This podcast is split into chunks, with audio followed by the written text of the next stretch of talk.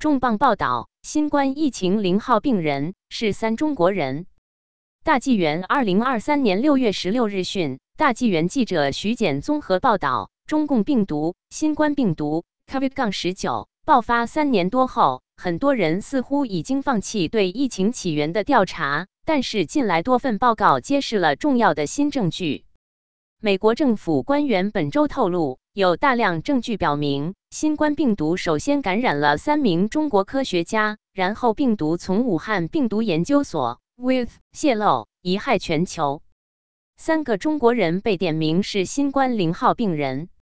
根据时事通讯 Public 周二六月十三日的报道，在 Public 和 Racket 调查中，多位美国政府官员在采访时表示，COVID 的零号患者。最先感染病毒的人确定为武汉研究所的胡奔 Ben Hu、朱燕 Yan Zhu 和于平 Yu Ping 音译。据 Public 报道，一位消息人士证实，可以百分之一百的确定，胡奔、朱燕和于平在二零一九年秋季期间出现了与新冠病毒一致的症状。据美国官员说，这三个人感染新冠病毒之际。胡奔正领导了 With 的功能获得性实验，内容是增加 SARS 类冠状病毒的传染性，并加强病原体，以便更好地了解这类病毒的危险性。Public 的报道与美国顶级传染病专家福西 Anthony Fauci 的说法正好相反。今年早些时候，福西告诉波士顿环球报：“我们可能永远不会知道疫情的确切起源。”根据 Public 的报道。麻省理工学院和哈佛大学布罗德研究所的分子生物学家阿丽娜·陈 （Alina Chen） 说，武汉病毒研究所主任石正丽被称为“蝙蝠女”，而胡奔是她的得意门生。胡一直在制造嵌合的 SARS 样病毒，并在小老鼠中进行测试。如果我猜测谁进行这项危险的病毒研究，并且最可能被意外感染，那将是他。陈说。二零一九年，胡和鱼合著了一篇论文，详细介绍了他们研究的中国各地蝙蝠中类似 SARS 的冠状病毒谱系。世界卫生组织专家咨询委员会前成员、大西洋理事会的杰米·梅茨尔 （Jamie Metzlow） 从二零二零年初开始就对胡奔提出过质疑。他认为，如果能够证明胡是第一个感染 COVID 的人，这将是武汉病毒所亵渎的。确凿证据，因为胡适时正立实验室的首席研究员陈在二零二零年发表了一篇研究论文，从中表达了自己对实验室病毒泄露的怀疑，但是他被当时的舆论批评为阴谋论者。我现在被证明是正确的，但我很沮丧。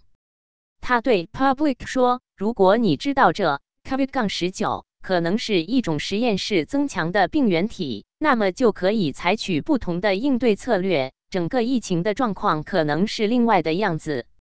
梅茨尔赞同陈的观点，他说：“如果美国政府官员，包括福西博士，从第一天起就不排除病毒可能与武汉研究所的研究相关，那今天美国和全球都是另一番景象。现在是真相大白的时候了。”他说。美国国务院早就质疑 With 所对公众撒谎。二零二一年一月十五日，也就是拜登总统就职前五天，美国国务院发布了一份情况说明书，指出实验室泄露可能是疫情爆发的原因。根据 Public 的报道，美国国务院在二零二一年已经怀疑武汉病毒所对公众撒了谎，质疑时正立声称的该所人员零感染。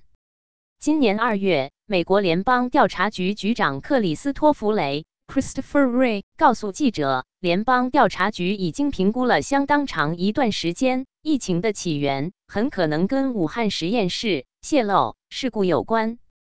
六月十一日，英国星期日《泰晤士报》（The Sunday Times） 说，美国国务院调查人员发现证据表明，二零一九年十一月从事相关实验的武汉研究所。研究人员出现类似新冠病毒的症状，并被送往医院。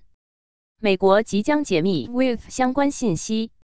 今年早些时候，拜登总统签署了一项法案，要求公布武汉病毒研究所里患病科研人员的信息，包括他们的姓名、职务、患病症状、相关日期等，以及他们是否参与或接触了与 COVID-19 相关的研究。Public 报道预计，美国国家情报局下周将发布这些机密材料，其中可能包括这三位最先感染 COVID-19 的科学家的姓名。疫情开始前两年，中共官方电视台播放了一段视频，显示胡看着一名实验室工作人员处理标本，两人都没有穿任何防护装备。